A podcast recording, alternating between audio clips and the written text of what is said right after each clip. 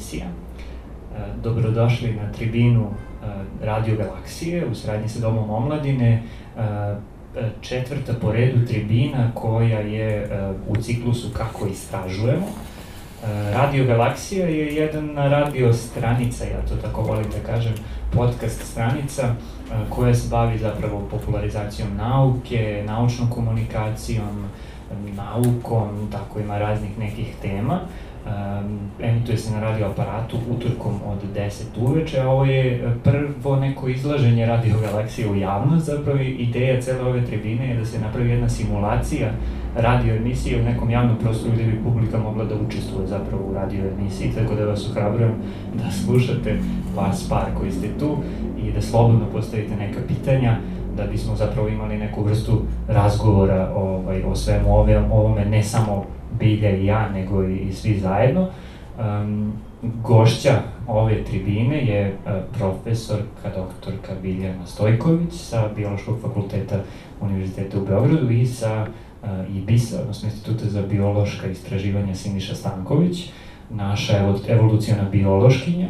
I kao što ste mogli da vidite u najavi uh, tribine, pričat ćemo o tome kako se istražuje eksperimentalna evolucija, odnosno sad taj uh, ta sintagma kako se istražuje eksperimentalna evolucija, možda nije baš malo, nije, nije baš toliko srećna. U stvari pričat ćemo o eksperimentalnoj evoluciji, odnosno o eksperimentima u uh, evolucionoj biologiji, što je jedna oblast koja se sve više i više uh, razvija. Pa, Biljo, hvala što si došla na tribinu. Hvala na pozivu. Po ovoj vrućini. Da, da. Možda ćemo da nekad evoluiramo, da ovaj, podnosimo mnogo veće vrućine, pošto će ovakvih toplotnih talaca da bude što više i više. Pa treba tu dosta generacija da se tako nešto desi. Um, ajde da krenemo u stvari od osnovnih stvari šta je evolucija i čime se bavi evolucijona biologija, pa da se onda nastavimo na to Eh, kako su eksperimenti ušli u tu celu priču, pošto svi znamo u stvari iz osnovne škole još, nadam se, eh, da je evolucijona biologija zapravo potekla od istraživača koji su posmatrali zapravo razne vrste i onda su došli do nekih zaključaka kako zapravo eh, ta specijacija, tako se kaže, jel da? Specijacija kao postanak novih vrsta. Postanak novih vrsta i tako dalje. Ali evolucija nije samo specijacija, mm -hmm. o tome mhm. ćemo pričati. E, pa, ajmo. pa dobro, evo, možemo reći, evolucija je jedan prirodni proces koji podrazumeva promenu e, genetičke konstitucije ili kako mi kažemo genetičke strukture populacija, samim tim i izgleda jedinki, učestalosti različitih e, formi i gena, različitih oblika e, takozvanih varijanti gena ili alela kroz generacije, a to naravno da sobom povlači i e, promene koje možemo kroz generacije da posmatramo u samim telima organizama e, u odnosu na roditelje. Dakle, imamo roditelje, potomke, kaže se da je evolucijna biologija opterećena seksom, odnosno da se evolucija u stvari dešava e, u tom prelazu između generacija.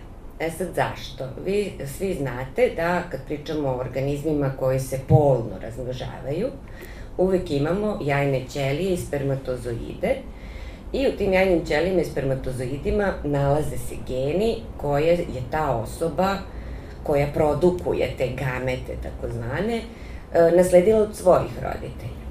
E sad, u tim gametima, da bi došlo do nastanka gameta, prvo mora da se duplira genetički materijal, da se, takozvan, da se obavi takozvana replikacija DNK i ono što je tu važno, tokom replikacije dolazi do nekih mutacija.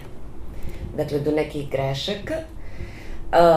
Najvažnije za evoluciju jesu te greške koje se dešavaju u gametima, upravo iz razloga što su gameti ti koji će dati narednu generaciju.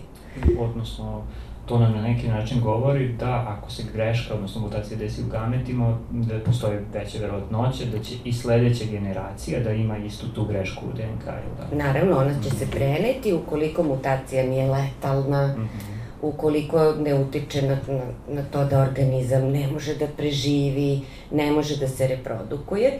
E sad mi obično kažem, mutacije su uh, štetne. Mm -hmm. Međutim, nama evolucija pokazuje da uh, mnoštvo mutacija nije štetno, naprotiv, mogu u tom trenutku da budu neutralne, odnosno da ne utiču na preživljavanje i reprodukciju, ali da se u nekim narednim koracima, kroz generacije, prosto u nekom novom kontekstu, pokažu kao povoljne. Mm -hmm. Tako da u stvari je evolucija to što, uh, uh, što omogućava da se te različite promene u naslednom materijalu ispolje i da se pokažu kao povoljne za svoje nosioce i samim tim kažemo favorizuju se prirodnom mhm. selekcijom. Ajde možda da, da probamo neki primer, neke od ono, učbeničkih primera koje su to povoljne mutacije koje su dovele do toga da uh, se uh, ajde da kažem, nastanu nove vrste koje su zapravo na neki način u, u tom procesu prirodne selekcije e, bolje u okruženju u odnosu na te neke... Da, možda prvo da, da pomenemo zašto evolucija nije samo specijacija, mm, odnosno može, nije može. samo nastanak novih vrsta. Naravno, u ovom procesu kroz vreme nastaju i nove vrste. Dakle, sam proces specijacije je proces koji vodi ka tome da će od jedne vrste nastati dve ili više vrsta, ili ima i situacija da jedna vrsta prosto počinje da se toliko menja da je već u nekom drugom vremenu za recimo milion godina možemo smatrati drugačija vrsta. Mm -hmm. Dakle, to se zove pseudoizumiranje. Ona prethodna vrsta nije izumrla, nego jednostavno toliko promenjena, da. transformisala se, da. E sad, uh, inače, specijacija podrazumeva da vi imate jednu vrstu, koju ćemo sad zvati predačkom vrstu.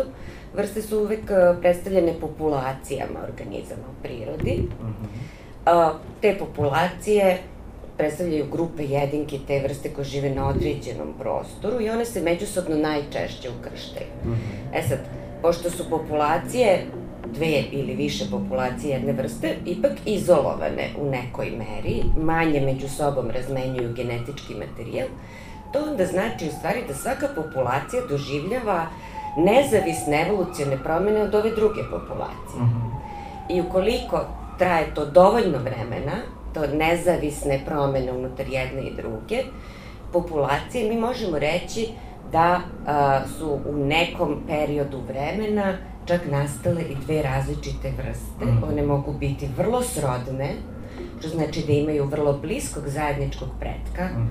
znači tu predačku populaciju, ili mogu biti značajno različite međusobno, što znači da je njihov zajednički predak živeo pre mnogo vremena. Mm. Dakle, što više vremena protiče, one svojim nezavisnim evolucijama uh, sve manje i manje međusobno liče. Ono što definitivno u evolucionoj biologiji koristimo kao kriterijum za e, to da li su dve grupe organizama različite vrste, to je reproduktivna izolacija, mm -hmm. što znači da e, jedinke jedne i druge vrste ne mogu da se ukrste ili mhm. ukoliko i mogu, dobija se hibrid, mm -hmm koji ili ne može da preživi ili je sterilan.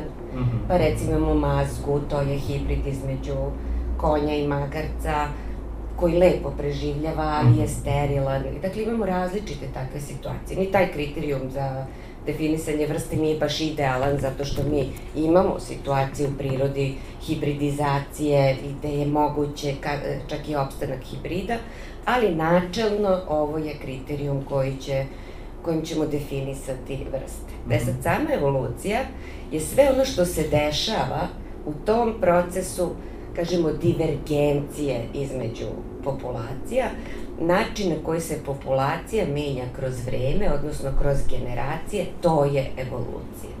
E, nama je zadatak u evolucionoj biologiji da znamo zašto, koji to evolucijni mehanizmi učestvuju u tim promenama i to evolucijna biologija uh, proučava. Uh, mi danas znamo mnogo toga o, o tome kako izgledaju genomi, šta radi koji gen, na koji način se te promene dešavaju i uh, vrlo često se uh, u stvari iznenadimo koliko je malo promena potrebno da se desi ogromna promena u samom uh, konstrukciji tela, mi kažemo fenotipu. Mm -hmm. Ja, ja sad mogu da vam ispričam a, kako je došlo do nastanka hordata. A hordati su film kojem pripadaju kičmenjaci, znači mi. To je jedan vrlo, vrlo zanimljiv primer koji se uh, evo, u, u poslednje vreme koristi od kako je, od kako je to detektovano kao mhm. važan moment. Dakle, šta se tu desilo? Postoji jedan gen koji se zove BRA gen, koji je zanimljiv zbog toga što on kod svih životinja, mi kažemo metazoa, odnosno u ovom slučaju eumetazoa, zato što od bodljokožaca pa svi drugi filumi životinja spadaju u te eumetazoe, taj BRA gen kod svih tih organizama ima ulogu da kada se aktivira, odnosno kada se pročita protein sa tog gena, on se čita uh, u vrlo ranim periodima razvića organizma. Mm -hmm. Znači, kad se oplodi jajna ćelija, onda se ta ćelija deli, onda počinje uh, proces blastulacije, odnosno deobe ćelija, pa nakon toga gastrulacija i tako dalje. Taj gen brak pali se u ćelijama uh, blastule koje će biti uvučene unutar te loptice ćelija kada počne proces gastrulacije. Setite se malo e, priče iz biologije. Dakle, taj brak gen je jako važan da a, izaziva da, zapravo uvlačenje tih ćelija da bi se formiralo sada gastrula koja ima dva sloja ćelija, pa će onda dobiti tri sloja ćelija i tako. Koja je neophodna za zapravo dalji razvoj organizma? Jeste, od, e, tu imamo, setite se, ektoderm, e, endoderm, mezoderm, od kojih nastaju sada kasnije različiti organi i tako dalje. E, brak gen kod svih životinja, dakle, e, funkcioniše u tom regionu kad se, na, kad se ćelije uh, uvuku unutra, znači kao kada loptu dobijete pa je probušite i ona se uvuče mm -hmm. s jedne strane, taj otvor mi zovemo blastopor. I dakle, uh, važna je aktivnost tog gena da bi se desila ta gastrulacija, da, da mi dobijemo blastopor. I to se, dakle, dešava kod svih organizama. Kod hordata, predaka hordata, desila se jedna zanimljiva stvar, nije mutirao sam bragen, nego je mutirao jedan uh, mali niz nukleotida koje zovemo regulator aktivnosti tog gena, koji je u stvari odgovoran za to da se taj gen aktivira. Uh -huh. Uh, on se aktivira tako što se za njega sada vezuju neki drugi proteini, koje zovemo regulatorni proteini. Kada se vežu za taj regulatorni segment, on, onda će se gen upaliti. Uh -huh. E, ako vam mutira taj regulatorni niz, To znači da i neki drugi regulatorni proteini mogu takođe da aktiviraju taj gen gde ranije nije bio aktiviran. Znači u ćelijama u kojima ranije se nije aktivirao taj gen, sada može da se aktivira zato što neki prisutni proteini, regulatorni proteini, sada mogu da prepoznaju tu, mhm. taj niz i da aktiviraju gen. E, to se upravo ovde desilo. Kod hordata, taj bra gen a, se sada slučajno aktivirao mm -hmm. i u mhm. regionu iznad plastopora, dakle u regionu takozvanog mezoendoderma, uh, izvinjam se, mezoektoderma, a od tog regiona nastaje horda, mm -hmm. o, o, zatim nastaje nervna ploča, nervna cev i tako dalje. -hmm. E sad pogledajte, mala. Promenica i to ne u samom genu, ne u tom proteinu, nego u njegovom regulatornom nizu koji izaziva strahovite sada promene čitavog tela. Mm -hmm. Na taj način je dobijena potpuno nova telesna struktura, mm -hmm. dobijena je horda koja označava danas čitav jedan, jedan filum e, novi, a to smo konačno mi, mm -hmm. e, kičmenjaci, dakle od riba pa nadalje, a i neki hordati, sećate se i amfioksusa i tako mm -hmm. još nekih drugih grupa.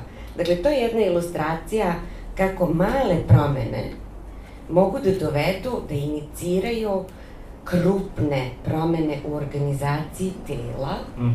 Naravno, to je samo pokretač. Nakon toga, brojne druge e, mutacije koje se dešavaju u genima će još doterivati strukture. -hmm. Odnosno, neka mutacija može da dovede do toga da se e, ta nova struktura još poboljša i tako dalje.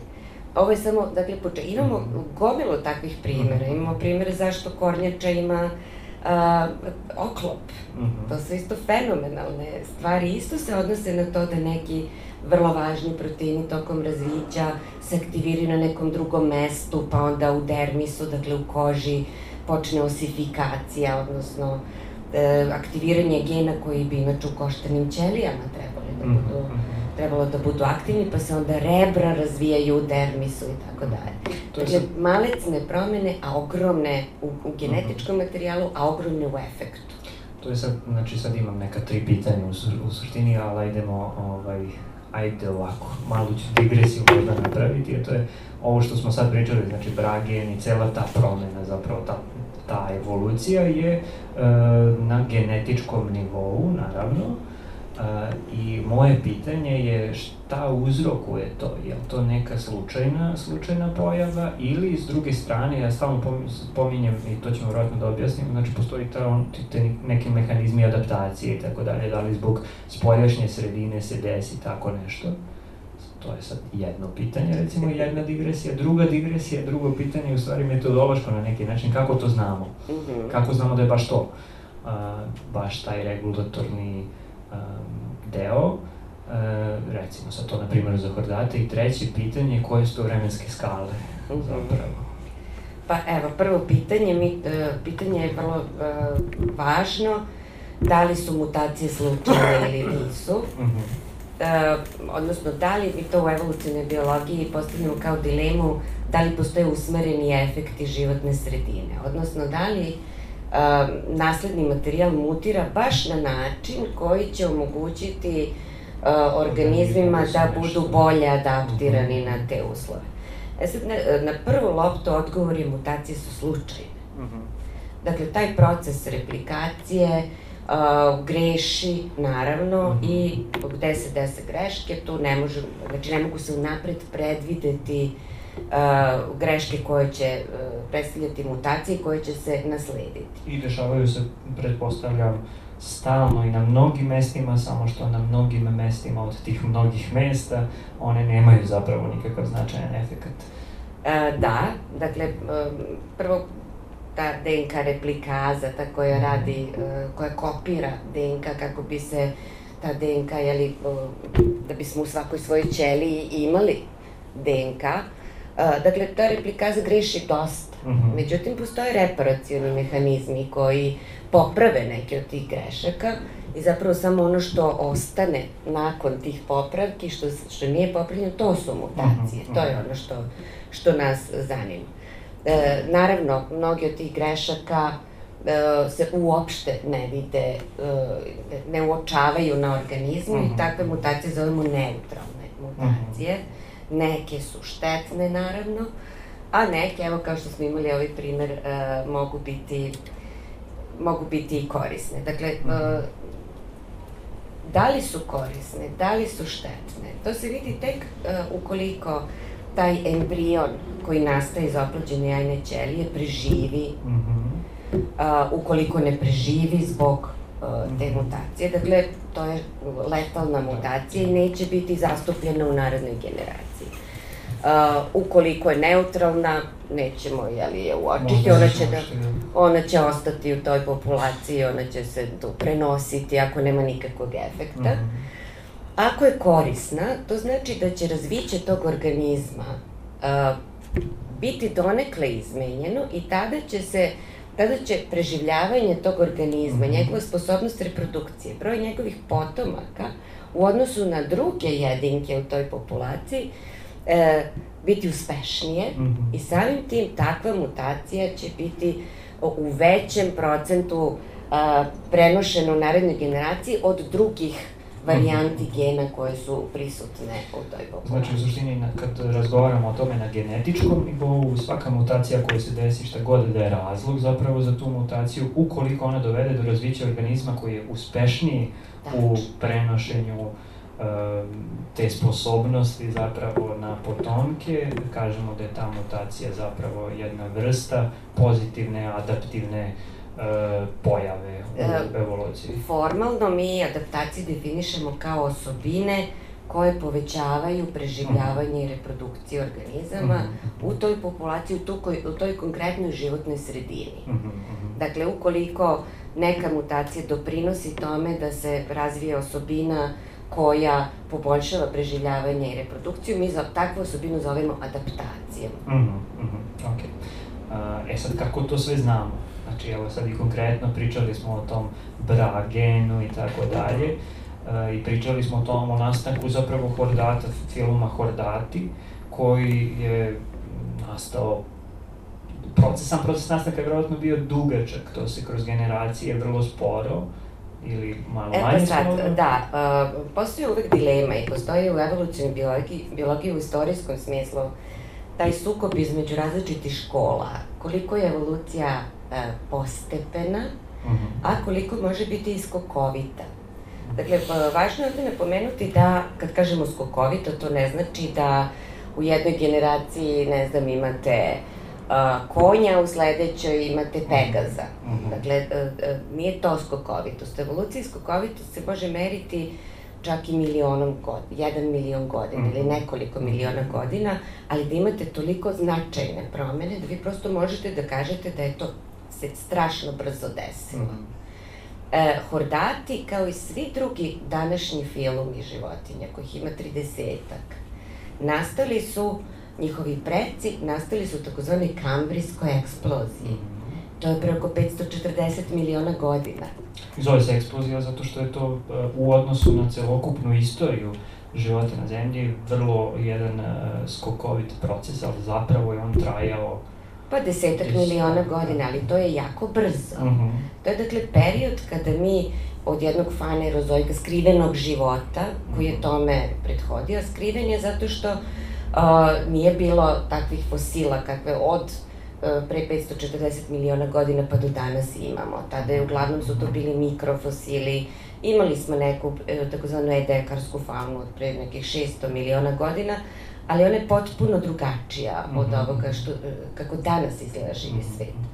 Dakle, zbog toga se misli da čak ta edekarska fauna nema veze sa ovom današnjom -hmm. faunom, ali opet moguće da neki a, primerci u toj edekarskoj fauni koja je bila vrlo bogata, moguće da su oni i predački za ove danas. Mm -hmm. E, u svakom slučaju, šta sam... To saznajemo na osnovu fosila zapravo sve.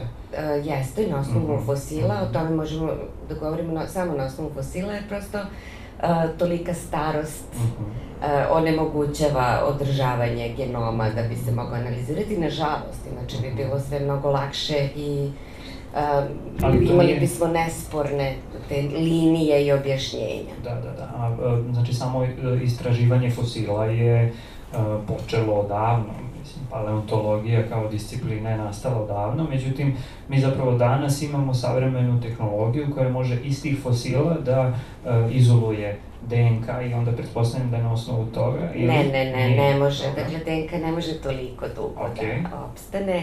Mi imamo neandertalce, to je 50.000 godina, -hmm, možda i -hmm. sada i nešto malo više ali hiljada godina, mm -hmm. ne miliona. Mm -hmm. Jer DNK je jedan molekul koji propada, mm -hmm. koji može biti degradovan u različitom stepenu. Veliki je i samim tim je nestabilan. Ne, konačno jedu ga različite mm -hmm. bakterije, uništava ga toplota. Znači, prosto nemoguće je da toliko dugo opstane, a bilo bi zaista sjajno. Znači, iz fosila mi možemo samo da gledamo njihov spoljašnji izgled. Samo, znači, morfološku analizu yes. iz koje možemo da zaključimo stvari kako, kako su ti organizmi funkci, uh, kak, izgledali. Da, kako su izgledali. I na osnovu toga, toga možemo zaključiti kako su živeli i tako dalje. Čemu je šta služilo. Da, da. Tih, da. A kako onda zapravo imamo tu celu priču genetičku koja govori o tome kako su se ti organizmi razvijali i evoluirali pre ne znam koliko uh mhm. milijardi godina. E, pa evo, to je važno, evolucijna biologija je zbog toga multidisciplinarna. Uh mhm. Dakle, a, ono što mi imamo na raspolaganju, to, su, to je današnji živi svet uh -huh. i sva njegova variabilnost. I što se genomike tiče, a, to je nama na raspolaganju i mi možemo, i danas je sekvencirano na stotine različitih organizama i mi raspolažemo uh, tim genomima takođe. Znači, to je sada genomika koja je jako važna za evolucijnu biologiju, komparativna genomika, da mi vidimo gde se šta pojavilo novo, po čemu se razlikuju različite grupe, mm -hmm. koji su, uh, koje su razlike, čemu služe te razlike, mi možemo da, mi prosto znamo šta koji gen radi. Uh, To je dakle jedan uh, aspekt, genomika. Drugi aspekt je biologija razvića, -hmm. Znači, kažem, biologija razvića, mislim na ontogenezu, to je kako svaki organizam se razvija od jajne ćelije pa do svoje smrti. Mm -hmm. E sad, kada vi, i, naravno i biologija razvića može da se bavi razvićem svih ovih danas živećih organizama, mm -hmm. da proučava specifičnosti, e, blastulacije, gastrulacije, embriogeneze, histogeneze, organogeneze, znači sve to može da se da se uradi. Evolucijna biologija razvića, sad je to jedan mm -hmm. spoj e, evolucijne biologije i biologije razvića, a, u koju se sad uključuje i genomika i molekularna biologija, nama u stvari daje najbolje informacije o tome e, kako se koji, prvo kako se koji takson, odnosno vrsta e, razvija u ontogenezi, a, koji geni su značajni za koji aspekt, šta koji mhm. gen radi i vi onda možete da vidite recimo na ovom primeru hordata da taj bragen nigde ništa drugo ne radi mm -hmm. e, osim ovoga što sam vam mhm, pričala, mm -hmm. osim kod hordata. Kod mhm. hordata je dobio još jednu funkciju. Mm -hmm. Dakle, na taj način, kada vi sve tu, svu tu komparaciju napravite, onda je vama jasno koje su to promene uh, se desile. Da li u nekoj vrsti, odnosno u nekoj evolucijnoj liniji postoje neki novi geni koji ne postoje kod drugih. Kako su oni nastali, takođe možemo da, da proučavamo kroz komparativnu genomiku. Dakle, vrlo je uzbudljivo, mm -hmm. ali kada se sve to poveže, onda u stvari nam je jasno da mi uh, prilično detaljnu priču imamo mm -hmm. o, o različitim pitanjima u evolucijnoj biologiji. I kad vidimo zapravo i mehanizme e, e, evolucije na primerima koje možemo detaljno da, da ove ispitamo, mi možemo i da na neki način a iskoristit ću tu reč, možda postoje neka bolja, ali ekstrapoliramo to i na vrste koje su živele uh, pre, ne znam, nekoliko stotina ili miliona godina i tako dalje. I uh, sad ono jedno pitanje koje se tiče toga koliko je dugačak taj proces evolucije, odnosno mutacija i e, evolucije koju mi možemo da primetimo.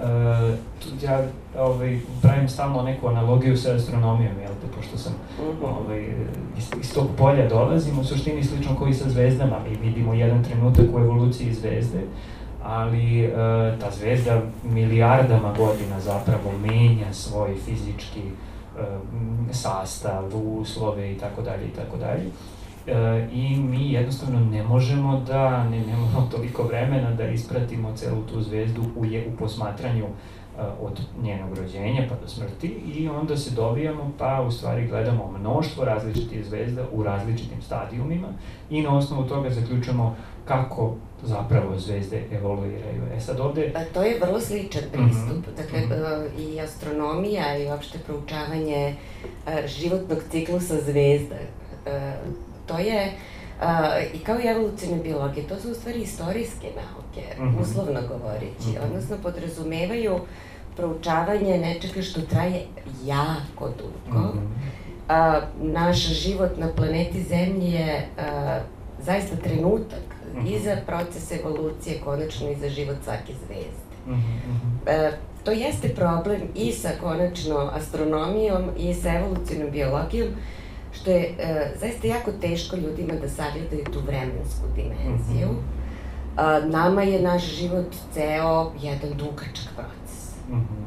Znači, mi živimo u uverenju da je to jedno dugo, dugo vreme koje mi provodimo na ovoj planeti Zemlja, u stvari je to trenutak, mm -hmm. znači naših 70-80 godina života je ništa za evolucijone vreme, mm -hmm. a i za astronomsko mm -hmm. vreme. I stvarno je tu, a, a, dakle, ja mogu da razumem ljude koji a, nikad u životu nisu videli da se, ne znam, iz mačke, a, iz mačke nastane krava, mm -hmm da oni, pošto tome nisu prisustovali, da oni onda neće ni da, ni da veruju u da. te... A tu je sad i ona čuvena priča, mislim, evo sad opet da pomenemo Ljiljanu Čolić, da. koja je izjavila u nekom trenutku tamo kad je to bilo 2000 i koje? 2004. Četvrte godine, tu čuvenu odvalu da ako je čovjek nastao od majmuna, zašto onda u ovom zoološkom pretu od majmuna ne nastane čovek. Kako mi, kako mi još nismo dobili ljude u tim u kavezima. Da. da. Da, da, to je, to je upravo ta, ta mm. nemo, apsolutno ne, nemogućnost da se razume mm. A, vreme, da se razume konačno proces, da se razume naučna metodologija, i to mm. moramo reći, mm. kako mi dolazimo do... Mm. Mislim, ti si astronom, pa zato dobro razumeš o čemu, na koji način se o zaključci e, donose o, i u evolucijnoj biologiji, pošto imamo te sličnosti. E sad, uh, to ne znači, međutim, da mi ne možemo da posmatramo evoluciju real time. Mm -hmm. E, to je sad... E, to je priča, to je priča o eksperimentalnoj evoluciji. Da. Ja recimo znam i ovaj, čak, čak smo imali jednu epizodu u Radio Galaksije, to ako nekog ovaj, e, interesuje, Dulne Mišević uh, iz Francuske, on je naš... Uh, naš dobar drug. Da, ovaj, koji je u Parizu dugo godina, on se bavi digitalnom evolucijom zapravo, simulacijama evolu, evolucije, ali... Zvane in silico. Da, okej. Okay. I mi smo pričali u stvari kako, tačno se sećam, to je bilo pre nekoliko godina, ali tačno se sećam te priče gde on pominjao kako je Escherichia coli zapravo jedan inter, interesantan i jako koristan organizam na kom može da se u laboratoriji kroz ne znam, 10 ili 20 godina uoče upravo te promene koje kod hordata, na primer, ne možemo da uočimo jer traju mnogo miliona. E, pa sad zašto? Vrlo jednostavno ako razumemo da je evolucija transgeneracijski proces uh mhm. -huh. i da se u stvari, da je u stvari reprodukcija e, to što je pokretač, odnosno što, što u stvari jeste u, u osnovi evolucije, uh -huh. uh, vreme generacije bakterije traje 20, 20 minuta, uh mhm. -huh Tako da vi za 10 godina imate IHH i hiljada mm -hmm. generacija. Mm -hmm. A kod hordata, recimo kod ljudi, vreme generacije 25 godina. Mm -hmm. Ili čak i više u današnje vreme. Koliko vi za 10 godina imate generacija? Da, da. Nemate ih. Dakle, samo je to problem. Mm -hmm. e, koliko traje životni ciklus jednog ili drugog organizma, toliko je u stvari u realnom vremenu moguće uočiti mm -hmm. e, evolucijne promene. I kada je u evolucijnoj biologiji zapravo počela da se razvija ta eksperimentalna strana? Kada su počeli prvi eksperimenti? Mi sad znamo svi za one neke eksperimente sa, sa pasuljem i tako dalje. Uh, aha. Ba, sa graškom u stvari. Da, da, grašak. Misliš na Mendela? Na Mendela eksperiment, da. Uh, Mendel nije, uh, to nisu eksperimenti vezani za evolucijanu okay. biologiju. Mendel je čak tim svojim eksperimentima, on je bio monah, On je mhm. hteo i da pokaže da se vrste ne menjaju. Mm -hmm. Dakle, njegova ideja sa tim ukrštenjima je bila da u stvari pokaže stalnost vrste. Mm -hmm. Ali treba tu malo terminološki da razumemo da je po njemu vrsta bila ta jedna, jedna soj graška. -hmm. Pa sad e, grašak sa zelenim zrnom je njemu bila jedna vrsta, grašak sa žutim -hmm. zrnom i tako dalje. Sećate se tih nekih sedam osobina različitih koje on pratio.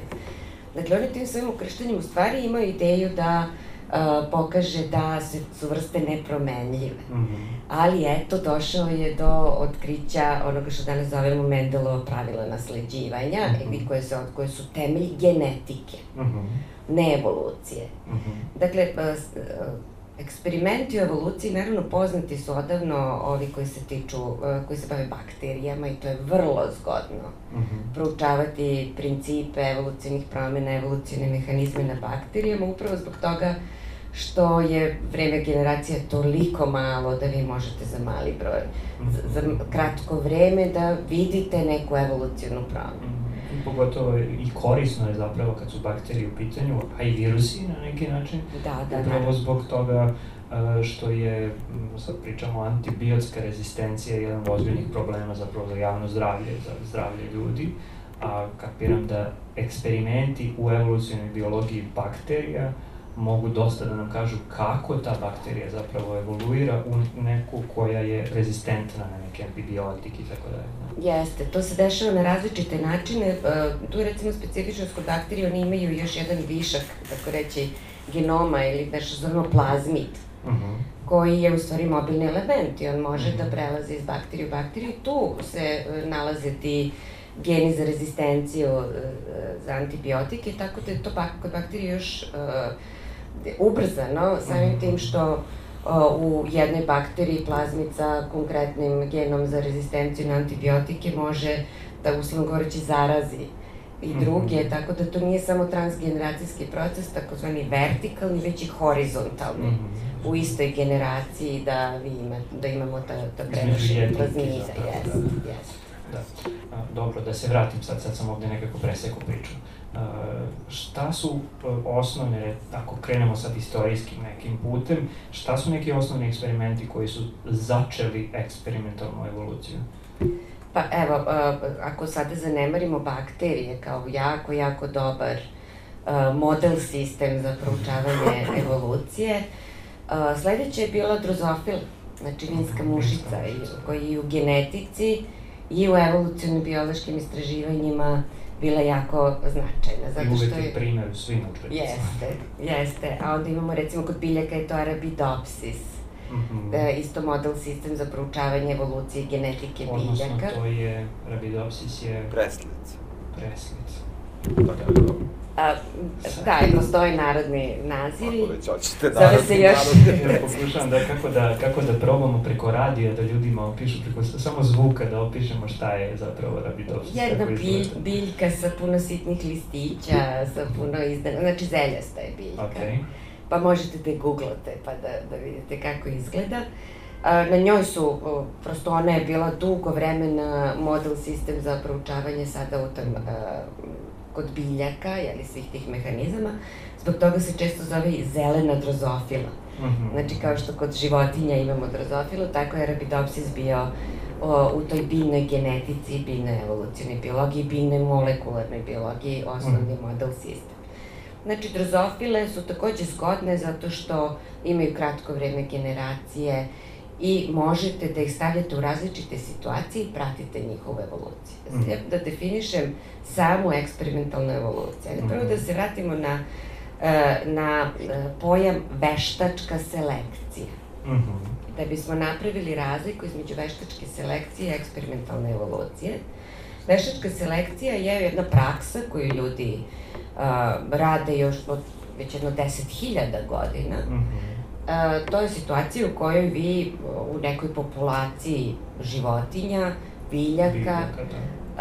Kog god taksona živog, želite da u narednoj generaciji dobijete više jedinki sa nekom osobinom koja je čoveku zgodna. Naprimer, a, krave sa, koje daju više mleka, -hmm žitarica koja daje više, veće, krupnije seme ili veći broj seme. Sa više klipova na... na da. da, dakle, šta, šta se onda radi u veštačkoj selekciji?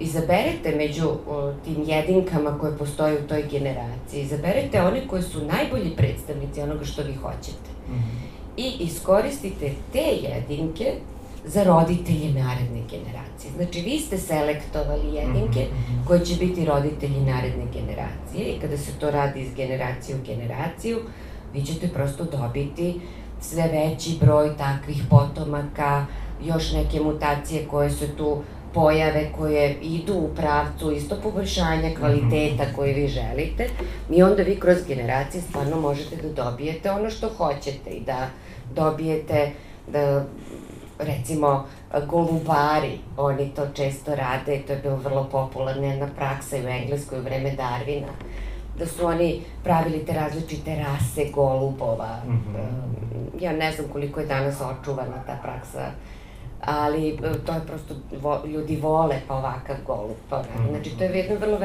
vrlo razvijena i raznovrsna uh, pa sad to više nije ni, ni uh, biološka vrsta u onom smislu uh, divlja, već mm -hmm. se uzgaja, u, uh, ljudi je uzgajaju. Dakle, tu, tu ste, kad vi pogledate koliko tih različitih rasa ima, to su golubovi potpuno međusobno različiti, po mm -hmm. različitim svojstvima. E, to se dobije veštačkom selekcijom. Mm -hmm. Isto kod pasa, na primjer. Da. Kod pasa, naravno, različite rase, sve je dobijeno na taj način. E sad se postavlja, uh, uh, ajde sad vidimo razliku u odnosu na mhm. eksperimentalnu evoluciju. Dakle, u eksperimentalnoj evoluciji vi imate neku eksperimentalnu populaciju mm -hmm. koju odgajate u laboratoriji. Naprimer, populaciju drozofila, koju ste, to uzeli ste jedinke iz prirode, doneli ih u laboratoriju, zatvorili u neku teglu i to je vaša populacija. Te jedinke se međusobno ukrštaju, e, iz tih njihovih jaja rađa se sledeća generacija i tako dalje. Dakle, ta vaša populacija će tu da, da smenjuje se generacije u toj populaciji. Greške, naravno, mutacije mogu da se dešavaju i vi možete da pratite ako se nešto od toga desi.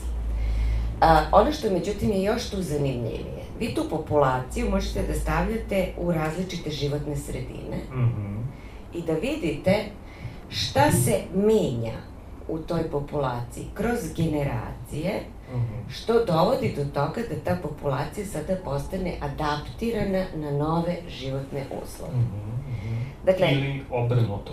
Ako recimo, ne znam, sad ja razmišljam kao fizičar, imamo po temperaturu kao parametar. Može biti po... I onda povećavamo temperaturu, menjamo temperaturu mm -hmm. i gledamo ako ta jedinka zapravo, odnosno ta, ta vrsta izumre. Ta populacija. Ta, ta populacija u okviru te vrste drozofila izumre, to onda znači da ona nije uspela da Naravno, se dakle, na... prosto nije mogla da, to, to je prevelika temperatura za nju mm -hmm. i tako dalje. E, to je eksperimentalna evolucija. Mhm. Kada vi ne namećete šta će biti roditelji naredne generacije, kao što radite u veštačkoj selekciji, već puštate, samo posmatrate, uh, dakle, u svakoj generaciji vi ponavljate iste uslove i tako vi kroz vreme u stvari možete da analizirate šta se promenilo u toj populaciji, na koji način je ona evoluirala na novu životnu sredinu i tako u stvari pratite uh, adaptacije, mhm. proces adaptiranja na nove životne uslove, šta se sve tu menja, pri čemu je tu zanimljivo, znači to je ono što zovemo real time evolucija. Vi mhm. možete iz generacije u generaciju da pratite promene, koje su u početku vrlo male, ali već posle 20, 30, 100 generacija, 200, 300 generacija, mhm. uočavate značajne e, promene. Ono što je tu zanimljivo, vi možete da te promene proučavate na nivou genoma, mm -hmm. Dakle, prosto uzmete te jedinke, uh, genotipizirate, uradite neku genomsku studiju, uporedite sa onom populacijom koja nije doživela Uh, uh, niste je stavili u situaciju da evoluira I tu na druge uslove. mapiramo mutacije koje su se desile, ako, ako ih ima, ima ih. Može da, da uvek ih ima, samo je za pitanje e, koje su učestalosti ovde. Da li je se mhm. pojavila neka nova varijanta gena mutacijom, mhm. naravno, koja nije postojala u onoj drugoj populaciji koju ste ostavili da čami u svojim uslovima, mm -hmm. znači tim originalnim. A, znači možete na genomskom nivou, možete na biohemijskom nivou da pratite aktivnost različitih, možete na nivou epigenoma, a, znači da li su, na koji način su sada geni uh, aktivirani ili inaktivirani u -hmm. ovoj ili u onoj uh, grupi populacija, zavisno od toga kakvi su uslovi. Zatim možete da pratite uh, na nivou proteina, mhm. koliko, ili na nivou informacijne RNK, koliko se neki gen uh, eksprimira, odnosno koliko je aktivan u jednoj liniji, koliko u drugoj. Možete pratite nivoje hormona, koliko je različita produkcija ovog ili onog hormona. To su Možete... sve neki, zapravo, da, genetički, molekularno-biološki, biohemijski procesi koje mi u laboratoriji možemo i da izazovemo i da, i da pratimo i da posmatramo. Jeste. Znači, u eksperimentalnoj evoluciji u stvari ne želite da ih inicirate na drugi način, osim tako što promenite uslove. Da, i to vrlo kontrolisano. Vrlo kontrolisano. Mm -hmm. uh, onda možete da pratite morfološke promene. Mm -hmm I one su takođe, e, e, možete ih detektovati posle iznesnog vremena. Možete pratite promene ponašanja, koje su takođe detektabilne e, u, u različito vreme. Možete pratite promenu nečega što zovemo životne istorije. Da li se razviće od jajeta do adulta skratilo, produžilo, a, da li, je pove, da li su te, ti potomci krupni ili sitni. Sve to ima svoje važnosti a, da bismo razumeli proces prilagođavanja na nove životne uslove. Uh mhm. -huh. To je eksperimentalna evolucija i to je strašno zanimljivo da onda i kad otkrijete te e, razlike, onda testirate na čemu su one zasnovane, uh mhm. -huh. da li su adaptivne, da li nisu, um, u odnosu na koji aspekt životnog ciklusa jesu adaptivne, na koji nisu i tako dalje. Šta izaziva te promene na nivou recimo životnih istorija i tako dalje. Dakle, kada imate takve evolucijone linije, mi ih zovemo laboratorije evolucijone linije, onda vi na njima možete da istražujete razna pitanja vezane mm. za, za proces evolucije. E sad, u mojoj laboratoriji, odnosno u našoj laboratoriji na Institutu za biološke istraživanja, ja sa svojim saradnicima radim na, nama, nama je vrsta na kojoj radimo pasuljev žižak. Mm -hmm. Tu je zanimljivo da postoje evolucijne linije koje su stare i 30 godina, što znači da su to populacije koje u izmenjenim takvim uslovima žive 30 godina. Znači to je u stvari eksperiment koji 30 godina traje. Jeste. Kroz tih 30 godina vrlo kontrolisano se gleda šta se dešava sa jeste, populacijom. Jeste, da. I sad tu postoje vrlo različite te selek selekcionisane linije žižaka. Mm -hmm. Pasuljev žižak, samo mu reč govori, njegov originalno domaćin je pasulj. Mm -hmm. E sad, ono što je tu zanimljivo, pasuljev žižak je uh, fitofagni insekt, znači insekt koji živi i hrani se biljnim materijalom. On je štetočina, što, što se poljoprivrednika tiče, on je velika štetočina, mhm. jer uh, se ubuškava u zrna pasulja, pa vrlo često možete da kupite na pijaci ili u prodavnici užiškani pasulj. Mm -hmm. Pa to baš nije zgodno da, da kuvate, jer se unutra nalazi ta bubica. Mm -hmm. Dakle, kada uh, se završi uh, parenje, onda ženka jaja polaže na zrna pasulja, odatle izađu larve koje uh, probiju uh, opnu, uđu unutra i sve dalje faze uh, razvića se dešavaju unutar zrna. Mm -hmm. I kada se završi razviće, dođemo do adulta, adult izađe, izađe iz zrna mm -hmm. i por, tako se ciklus uh, uh, dalje dešava. E, šta smo mi, uh, odnosno šta je profesor Tucić još pre više od 30 godina uradio, prva, uh, jedna od prvih, prvih selekcionisanih linija koje je napravio, uh, želeo da vidi šta se dešava ukoliko promenite domaćina.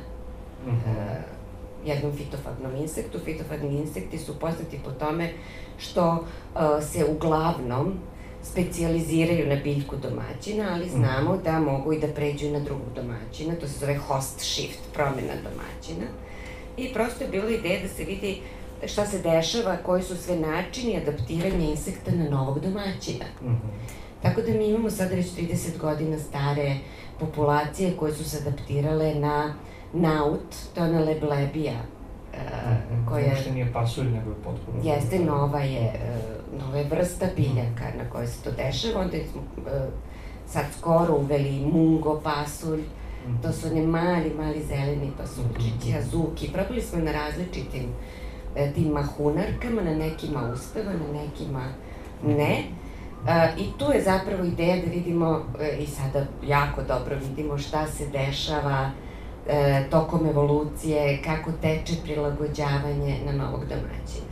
Onda imamo... To je sad, um, znači tu se vidi stvar, u stvari na različitim uh, biljkama gde opstaje, gde ne opstaje. I to je jedna vrlo bazična stvar koju ste vi Prvo gde opstaje, gde ne opstaje, a da. tamo gde opstane, kako se menja i prilagođava uh, baš na tog novog domaćina tokom to vremena. To obuhvata, sad konkretno vezano za taj vaš eksperiment, to obuhvata i ove što smo rekli genomičke studije, jel da, i verovatno sad. Da, da, da, e, dakle svašta je tu rađeno, rađeni su recimo e, digestivni enzimi, mm -hmm. kako se, kako se vare sada, to je nova hrana za te mm -hmm. insekte, to, to je veliki selektivni pritisak na promenu metabolizma, odnosno mm. za početak varenja nove, potpuno nove hrane. Tu smo zapazili naravno različite e, promene u aktivnosti tih digestivnih enzima. Ono što sada radimo u vezi sa Žiškom, uh, u saradnji sa uh, našom bratskom laboratorijom u Psali u Švedskoj, mm -hmm da to je laboratorija koja ima puno para, pa te u tom smislu oni uh, su se posvetili sada... Tako su birana braća. ne biramo braća samo po novcu, nego prosto uh, oni su strašno zainteresovani za naše linije na kojima mi radimo svašta. Oni su oduševljeni volili bi da ih oni poseduju, a ne mi. U svakom slučaju, mi na tom sa njima trenutno se radi na sekvenciranju genoma, jer taj pasuljev žižak nije sekvenciran do sada i to će nam dati odgovore na mnoga mm -hmm. pitanja. To je sada trenutno u a, postupku. Imamo planove da radimo e, neke druge gene koji su važni za metabolizam tih drugačijih materija koje se unose u telo. Imamo i, i mnoge druge zanimljive selekcijone linije. Možda e, je najzanimljivija, u stvari ne znam, meni sve zanimljivo, ali jedna od zanimljivih e, grupa linija, koje, evolucijnih linija koje mi imamo u laboratoriji, jesu linije uh, izložene različitoj uh, uzrasno specifičnoj selekciji. Šta e šta to, to u znači? stvari znači?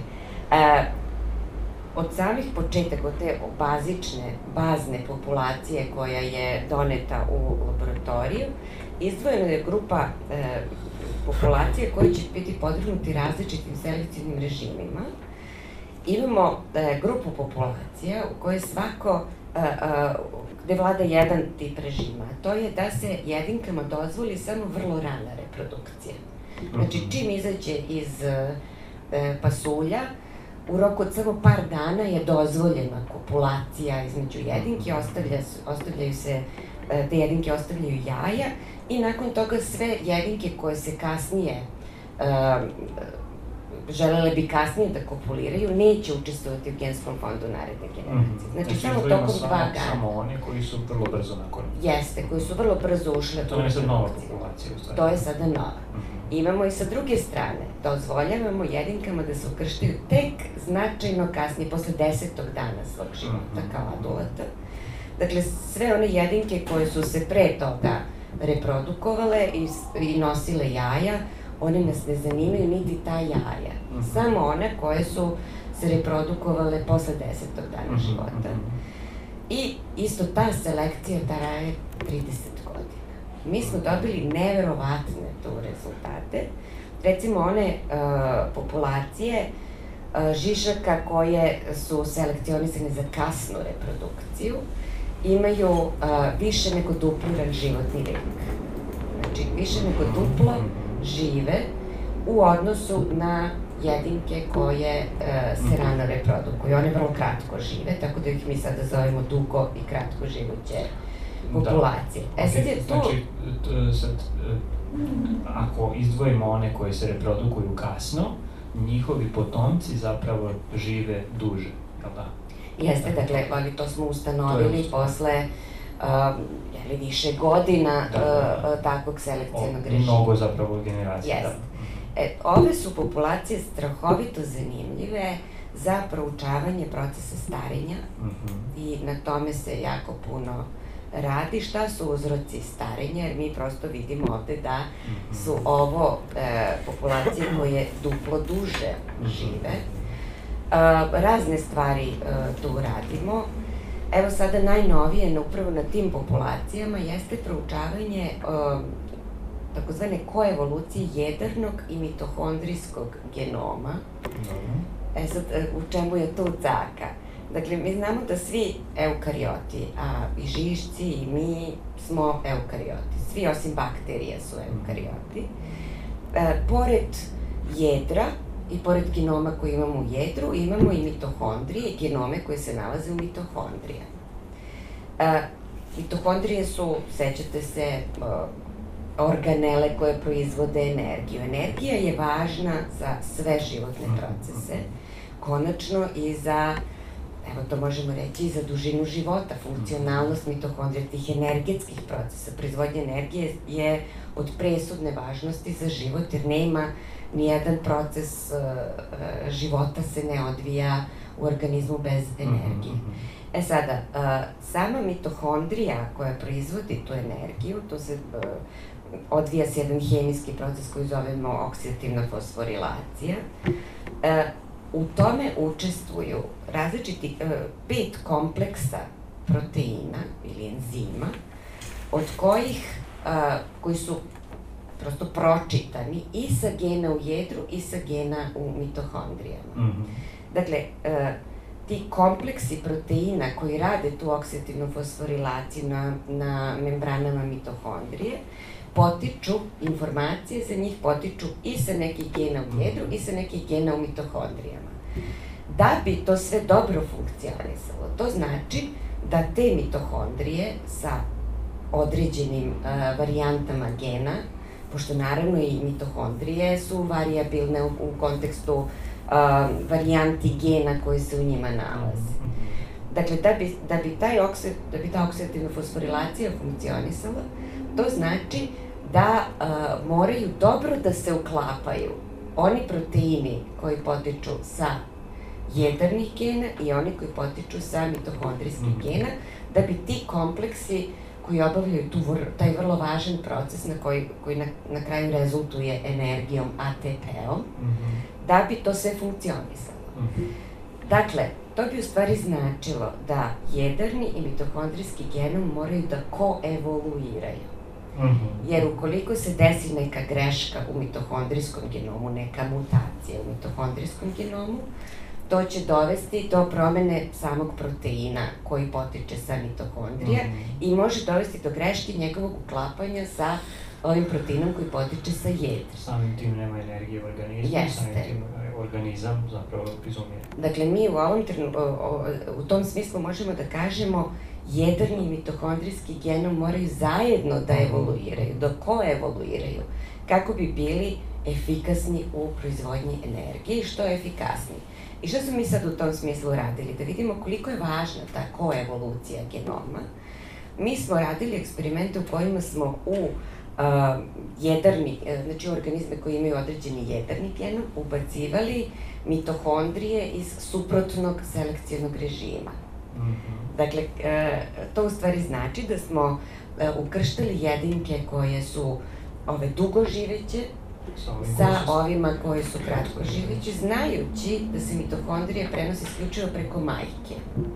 Dobro. Dakle, kada vi pravite ta ukrštenja, vi znate da je e, mama ta koja nosi mitohondriju koja vas zanima. Uh mhm. -huh. Kada je ukrštate sa tatom koji je iz ovog drugog režima, nakon, tačnije 14 generacija po Mendelovim pravilima, vi ćete kompletan jedarni genom zameniti za ovaj, uh, iz suprotnog režima, ako vas, vam mhm. stalno tate dolaze iz suprotnog režima, a mame su stalno ove koje imaju uvek istu mitohondriju, mm -hmm. vi posle 14 generacija dobijate potomstvo koje ima jedan, jednu mitohondriju iz jednog, ima mitohondriju iz jednog režima, a jedro iz drugog iz režima. Drugog režima. Znači, u, sad na, na tom primeru starenja, zapravo ako jedarni materijal kombinujemo iz ovih dugoživećih sa mitohondrijskim iz ovih kratkoživećih,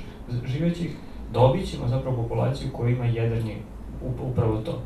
Znači, Jeste, jeste. Mm -hmm. e, jedarni genom iz jednog selekcionisanog mm -hmm. režima i mitohondriju iz drugog. Znači oni se u stvari uklapaju Ne, ono što mi sad ho, što, što je tu ideja, da vidimo koje su posledice toga što su mi narušili te koadaptirane komplekse. Mm -hmm. I dobili smo sjajne rezultate. E, dobili smo naravno da tu o, sve ovo osobine životne istorije i, što se, i, i fertilnost, odnosno fertilit, broj potomaka koje te, ti mhm. hibridi a, a, mogu da ostave je smanjen, a, dužina života, razni neki aspekti. Konačno, a, preživljavanje jaja je značajno opalo. I dakle, sve to možemo da da uh, analiziramo. Onda smo uh, mogli, uh, radili smo sekvenciranje mitohondrijskog genoma, on je mnogo manji, pa može mm. lako da se, da se uradi. Tu smo dobili vrlo različite mitohondrijske haplotipove koji su selekcionisani za dug život mm. ili za kratki. Mm. Znači, različite varijante mitohondrija su selektovane u jednoj i u drugoj e, evolucijnoj liniji. Mm -hmm. Dakle, a, mi smo došli do, do, do tog segmenta da prosto e, analiziramo a, na koji način, u kojoj meri i zašto a, se živi duže ili živi kraće, mm -hmm. bar u ovim našim a, linijama i koliko je važna ta koevolucija mitohondrije i jedra za a, energiju, odnosno za sve životne funkcije. I pošto već ovaj, prolazi... Ima još eksperimenta, još vrlo zanimljivih stvari iz ovih e, naših linija, da. Pa možda, da, ovo može bude super inspiracija da ljudi ako ih interesuje potraže ovaj, eksperiment ili mogu i da pišu meni ili vama ili nekom iz vaše laboratorije, ali ja bih sad da, da zatvorimo tribinu pitanjem oko toga na koji način je to značajno za konkretno ljudske organizme, pošto, jel te, kad pričamo o starenju, uh, uvek je problem kako ljudi, ljudi stare uh -huh. uh, i možemo i taj konkretan primer, možemo i generalno u stvari, kako eksperimentalna istraživanja u evoluciji uh, tih nekih uh, laboratorijskih vrsta ne znam, drozofila, bakterija, ovoga, onoga, mogu da nam daju uh, znanje koje će pomoći ljudskim organizmima da, uh, ne znam, evoluiraju bolje, ajde to tako kažem. ne možemo uticati na evoluciju čoveka, da. Sad Vjerojatno ćemo se samo uništiti pre... Eksperimentalno, evolutivno, e, evolucionog transhumanizma, mislim, ne znam da li to u stvari ima smisla. Pa, e, svakako, sve što mi pronađemo, sve što detektujemo, sve što razumemo, na bilo kom drugom živom biću, odnosi se naravno i na nas, jer smo i mi jedna životinja, jel? Mm -hmm. E, dakle, mnogi e, nalazi koje, koji su uočeni kod drozofile su potvrđeni kao značajni za ljudsku vrstu. Mm -hmm. A, ova priča o, o recimo mit, koevoluciji između jedernog i mitohondrijskog genoma jeste naravno značajna i za našu vrstu, mm. jeste značajna i potvrđena i u drugim nekim životinskim vrstama. Um, recimo, ponašanje, uh, proučavanje genetike ponašanja koje želimo prosto da razumemo i kod ljudi, takođe imamo neke nalaze uh, proučavanju ponašanja kod drozofile. Mm. Dakle, mi delimo ogroman broj zajedničkih gena sa svim drugim životinjama, mm E, vrlo često, odnosno najčešće, kada hoćemo da se maksimalno približimo našoj vrsti, onda se koriste eksperimentalni miševi i mhm. pacovi, laboratorijski. E, naravno, to sad sve ima svoje reperkusije na zaštitu jeli, životinja. Ali eto, mislim, to su načini kako se dolazi do, do podataka i o, o samoj našoj vrsti. Ne možemo eksperimentisati na ljudima. Da, da, da i onda se ovi podaci, ta, ta univerzalna fiziologija, biohemija i genetika uh, može proučavati na bilo kom taksonu. Mm -hmm. Dakle, uh, čak i na biljkama. Uh, neke, neke stvari mi možemo i na biljkama razumeti i uh, nekako, je, uh, nekako ih razumeti onda i u kontekstu i čoveka. Jel postoji neki primer uh, gde je eksperimentalna evolucija zapravo doprinela nečemu što, je, što je uh, poboljšalo zapravo zdravlje čoveka? Znači neka, u stvari, primenjena eksperimentalna evolucija u medicini? Ja ne znam tačno. Sigurno da. je da uh, ono što se radi za, u medicinskim istraživanjima ili biomedicinskim mhm. istraživanjima, sada u novim tehnologijama, jeste istraživanje šta koji gen radi. Dakle, mm -hmm. tu se najčešće koriste miševi i pacovi, kao sisari, jel? Oni su nam bliži nego trozofile.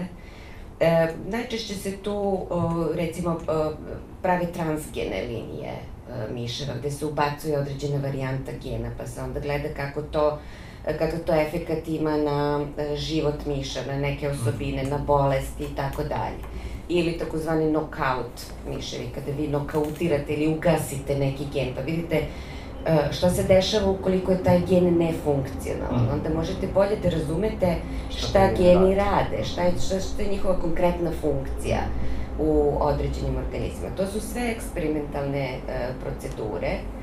E, dakle, eksperimentalna evolucija jeste jedna od uh, uh, postupaka u laboratorijama koje se bave jeli, evolucionim pitanjima, ali ima i brojnih drugih pristupa kako bi se istraživala ta uh, osnova života.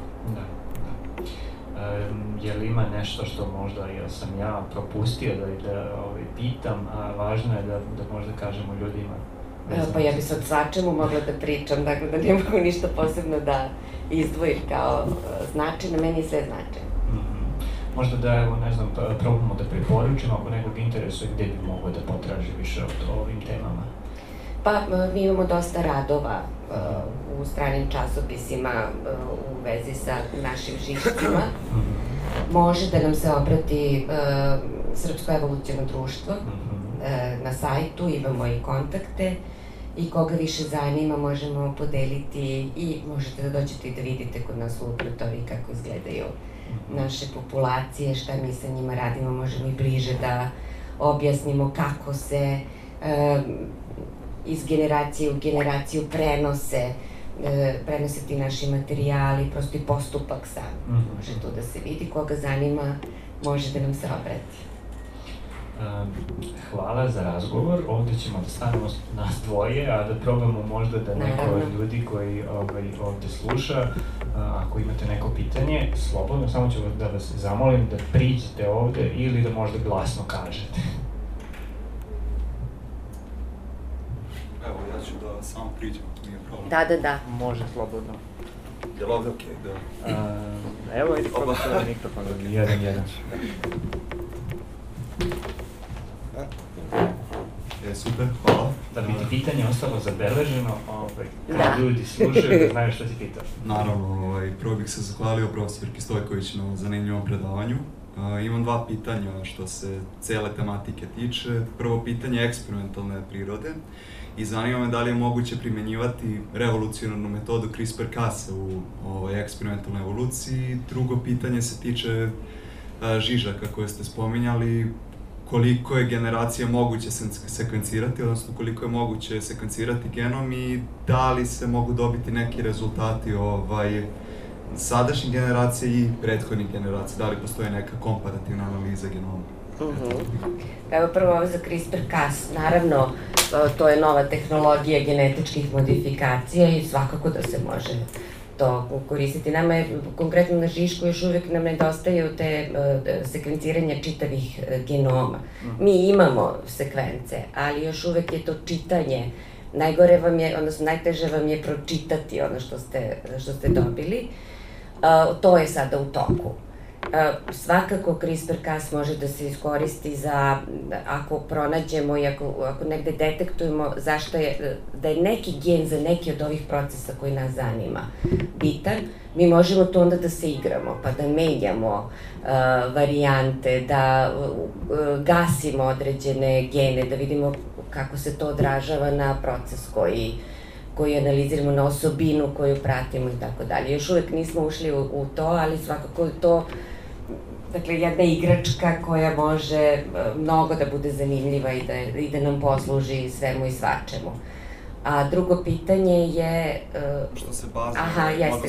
genoma. Da, da. Uh, ono što, što smo radili, mi naravno ostavimo Žiška u zamrzivaču.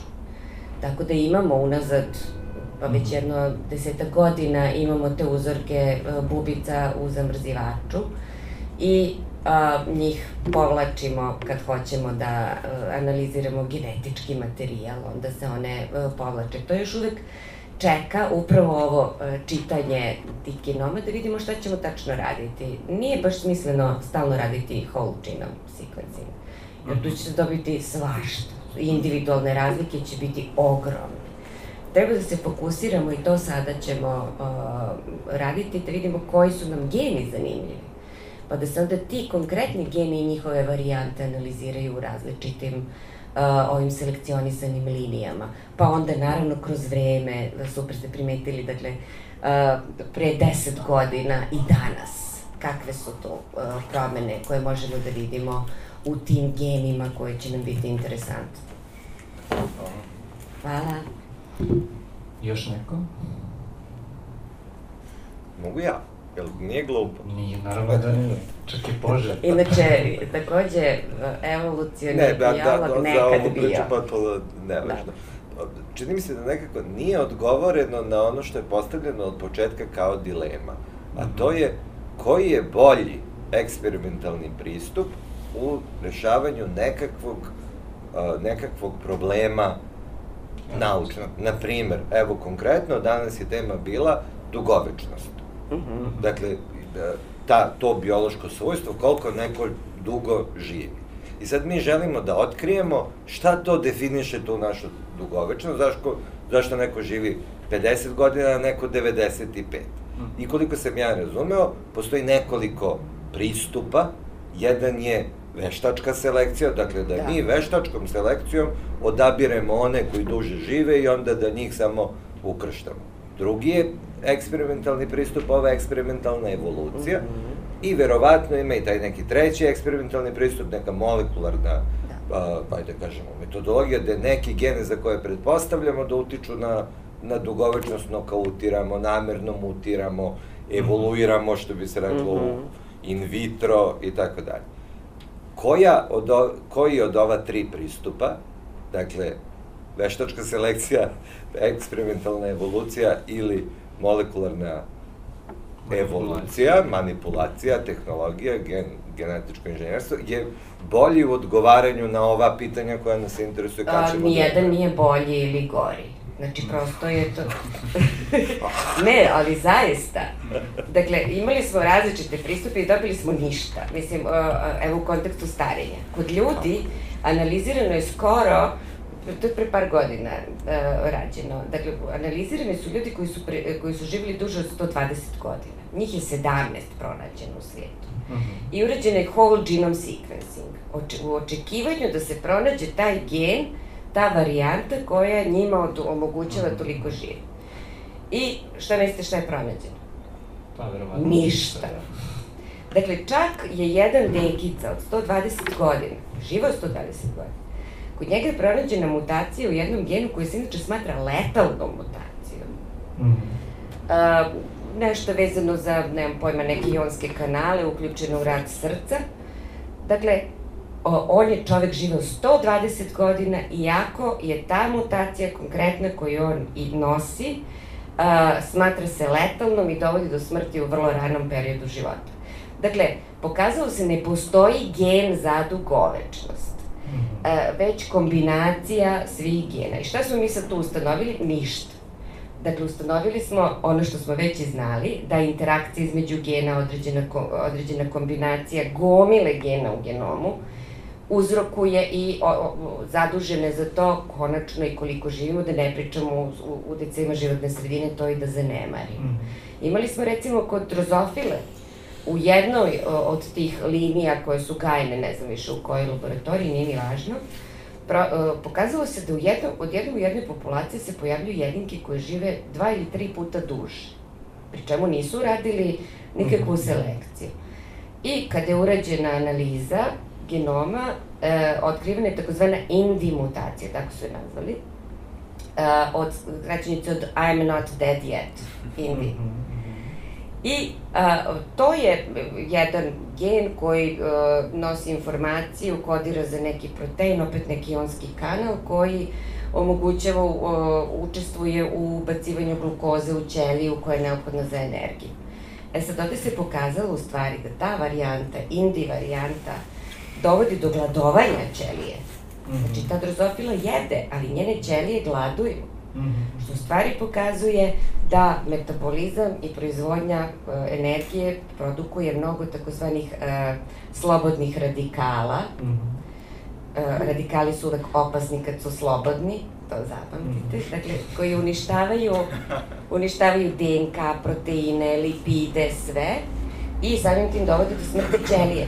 Gladovanjem se produžava život kod drozofile. I šta se onda radilo? Ok, otkrivena mutacija i to je bilo epohalno otkriće. Ali onda su uzeli te drozofile iz te linije i ukrštali se jedinkama iz drugih linija. Znači, to su jedinke i ti potomci su jedinke koje nose indi mutaciju. Mhm, mhm.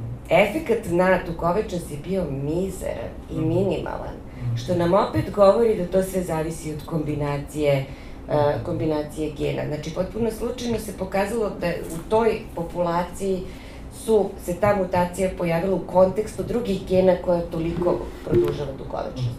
Međutim, mi, bez obzira na to, znamo sada e, na osnovu tog nalaza da i taj gen učestvuje takođe, pored brojnih drugih gena, u nečemu što jeste uh, ono što zovemo dugovečnost, odnosno dužina života. Dakle, taj nalaz nije nevažan. Da. E sad, mislim, ja mogu da se nadovežem na ovo, prolazi mi sve vreme kro- kroz glavu jedna, da kažem, ajde, epistemološka i filozofska podloga svega ovoga, a to je da, da e, ako ćemo da pričamo o tome koji sve geni, kako, koje kombinacije tako dalje, to je jedna vrsta determinizma Da. u, u, u eksperimentu koja, da, nisam siguran da li je pozitivna ili negativna u ovom kontekstu, ali svakako imamo se da je još uvek nemoguća, s obzirom da da ako da. hoćemo da stvarno deterministički sagledamo svaki genom, i sve šta se dešava, to je ogromna količina podataka koja zahteva sad već razvijenje Da. bioinformatičkih Pa vi nemate metoda. dve osobe na svetu Da, koji da. imaju istu kombinaciju uh, alela na, na genima koje sadrže. Dakle, Šta radimo onda? Uh, pa prosto determinizam uh, u ovom kontekstu ne može biti taj uh, Mhm. tako ekstremni. U konačnoj evolucijnoj biologiji se stvarno opire determinističkom Mhm. pogledu. Nama je potpuno jasno da ta informacija koju možemo da vidimo na jednom genu u stvari ne mora da znači ništa za fenotip, za organizam koji mi analiziramo. Dakle, kako sam i počela, ovaj bra gen, on je doveo do, do neke promene, ali to nije značilo da je, to je krupna stvar, ali to nije značilo da, da je to jedino što je moralo se desiti, da smo i dobili a, a, hordata. Mhm. Dakle, morali su, morali su da se tu nakaleme i neke druge promene da učvrste nekako to razviće. Što opet ne znači da tu nije bilo različitih pokušaja varijanti na koje sve načine i kojim se kombinacijama se došlo do nekog Mhm. osnovnog konteksta. Što opet ne znači da na to se ne nadovezuju i novi geni i nove varijante. Zbog toga mi nemamo jednog hordata, nego Mhm. imamo toliko različitih vrsta hordata i kičmenjaka i različite e, klase i tako dalje. Dakle, e, evolucijna biologija nije deterministička. Evo samo i ovaj primjer koji smo za indi mutaciju e, e, rekli. Da je deterministi, da, da je cela stvar toliko jednostavna, onda bismo rekli ko nosi indi mutaciju, taj će da živi 153 godine. Mi to ne možemo da kažemo. I to jeste i s jedne strane i uh, uh, onako frustrirajuće, jer ne možete da donesete neki tako lako, lak, uh, ekskluzivni podatak. A s druge strane je zaista uzbudljivo, jer vam onda, kapirate koliko je uh, to što čini život uh, svakog organizma, koliko je kompleksno Mhm. i koliko tu ima toga da se, da se, da se analizira. Mhm. Ja mislim da smo, evo imamo... Ja bih samo isto da htio da se nadovežem ovaj, na Mhm. pitanje dugovečnosti i to i Daj, s obzirom... daj, uh, ok. Ovaj, da, i s obzirom da postoji različita kombinatorika gena za tu osobinu dugovečnosti, da li osim toga je moguće sagledati epigenetičke faktore ili različite epigenetičke reakcije koje utiču na sam genom u okviru čoveka, eto, da li u dobro kontekstu dugovečnosti ili bilo čega? Pa evo na primjeru dugovečnosti, mislim može i za dugovečnost, ali može i za generalno druge osobine, da li epigenetika može biti krucijalna da evo sad dugovečnost možemo da živimo 120 godina ili da imamo bolji ili na primjer bolji imunni sistem ili bolji respiratorni sistem, da li epigenetika u tom nekom smislu može da doprinese. Epigenetika je sad, pošto, prosto smo skontali, pošto nam baš ova genetika i sekvence ne, ne daju baš nešto previše, odnosno daju nam važne informacije, ali nam ne govore, a, ne daju nam odgovore na, na sve ono što nas zanima. Danas razumemo da, je, da su epigenetički obrazci, to koji geni su upaljeni, koji su ugašeni, koji geni pod uticajem životne sredine, zato kad mi kažemo a, način na koji živimo je važan za naše osobine, konačno i za dugovečnost, za pojavu bolesti i tako dalje. Zato što to utice spoljašnje sredine na to kako rade naši geni i gde ćemo da, gde će da nas odvede taj uticaj životne sredine. Jako je važno. Ono što je meni, recimo, sada posebno uzbudljivo, to je, uh, znači, kažemo epigenetika u širem smislu, mislimo na sve nivoje regulacije ekspresije gena, od toga da li će gen biti uopšte pročitan. Pa ako je pročitan, uh, na koji način uh, se obrađuje ta informacijona RNK, opet tu ima različitih tih načina. Onda kada imate u ćeliji gomila, gomile RNK molekula, kako oni jedan drugog regulišu? E, imate i male nekodirajuće RNK koje onda regulišu da li će ta informacijna RNK otići u translaciju ili neće. Pa onda imate same translaciji a, da li će se odviti ili neće i ako se odvije da li će taj protein biti funkcionalan jer je potrebna neka modifikacija proteina posle translacije. Znači, to su sve nivoji ekspresije gena. I onda što je meni sa konteksta evolucije uh, jako zanimljivo, što je kompleksniji organizam, to je veći broj nivoa uh, regulacije, dakle, uh, kompleksnije. Imate stalno osjećaj redundantnosti, da uh, sem toga da li se gen pročita, dalje imate, a koliko će se pročitati, da li će uopšte da se do kraja eksprimira ili neće. Sve su to nekako zaista ponovljivi procesi, stvarno se pitate zašto, čemu to služi.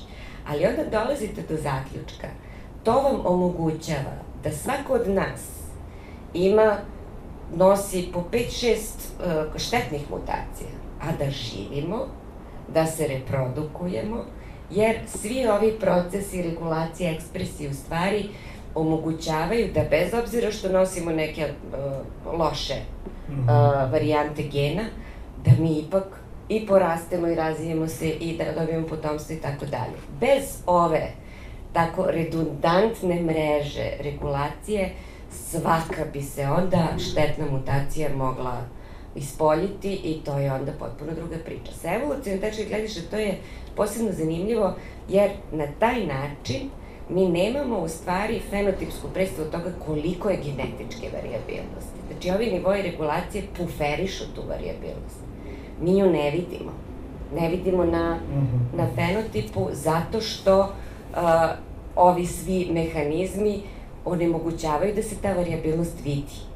E, a zašto je to za evoluciju važno? Ta variabilnost je potencijalna variabilnost za evoluciju. To povećava evolvabilnost populacije. Mm. Omogućava da vi stalno u populaciji imate jako puno genetičke variabilnosti. I kad se promeni životna sredina, dovoljno se promeni neki uh, stepenik u regulaciji da se vam ispolji variabilnost koja do tada se nije videla. Dakle, sve je to u, i u tom smislu uh, strašno zanimljivo i uzbudljivo i to je taj nova evolucijna paradigma eko, evo, devo. Znači, nije samo važno kako izgleda gen, kakva je sekvenca, da li se prenu ili da li nije, nego šta taj gen radi i kako radi. Znači, kako on učestvuje u razviću organizma, a to u stvari znači u kakvim je on interakcijama sa drugim genima, kako je regulisan i tako dalje. ja sam se sad setio, ovaj, uh, sad ću da pomenem i opet ovaj, Milana Ćirkovića i Srđu Jankovića, ima neki članak baš sad ono koji se zove, kaže uh, evolvability is an uh, evolved ability. Da, yes, uh. Uh, ne, ono što je recimo uh, isto jako važno, danas je uh, evolucijne biologije kroz ovu uh, eko-evo-devo uh, paradigmu potpuno izmenila fokus Mi smo u modernoj sintezi bili genocentrični, posmatrali smo mhm. gen, sekvencu, da li se prenosi, da li se ne prenosi, u kojoj meri se prenosi. Danas, međutim, shvatamo da to ne može biti fokus, da je fokus nama genom. Mhm. Znači, genom i njegova dinamika. I onda imate u stvari e, priču da je sam genom nestabilni genom, kaže se plastični genom, koji uh, je osetljiv na stres, e, koji može lako da se, da se promeni pod uticajem stresa. Recimo, mobilni elementi koje imamo po genomu mogu da skaču pod uticajem stresa. Da je sama nestabilnost genoma evoluirana karakteristika mm -hmm. koja omogućava da se a, a, da se prilagođava lakše nego da je taj genom rigidan. Mm -hmm. Dakle, upravo nestabilnost i plastičnost genoma jeste jedna adaptacija. ajde da probamo da sad ovde presečemo, neka ćemo da nastavimo možda. Ovaj, Bilje Rajto viđen gost u Radio Galaksiji, par puta smo pričali, baš nedavno smo pričali o stvari da, o da. evoluciji da. virusa. Ako nekog interesuje može da posluša to. Hvala. Hvala, Dušane. Do, ovaj, došli smo ovde svi po ovoj velikoj vrućini, tako da se hvala svima što ste došli e, po da. ovoj velikoj vrućini. Podvig. ali ovaj, e, svi oni koji nisu došli po velikoj vrućini, verovatno ovo sad slušaju. E, hvala i vama za slušanje i ja ću sad da završim, e, kao što inače završavam ovu radio emisiju, a to je slušajte Radio Galaksiju, pratite nas, pišite nam, ima nas na svim društvenim mrežama, čitajte Bilju Stojković, ne samo vezano za ovaj, evolucijnu biologiju, nego i za razne druge stvari, pretpostavljam da to ste znate iz raznih aktivističkih priča. I šta još mogu u stvari da kažem tu, pratite Srpsko evoluciono društvo,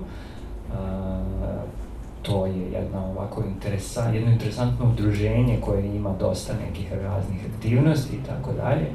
Uh, onako blisko radio galaksiji u suštini jeste, po, po jeste. oblasti delatnosti, kako se to kaže, samo fokusirano baš na evoluciju, genetiku i tako dalje. Uh, I da, to je to. Hvala svima. Hvala. Čujemo se.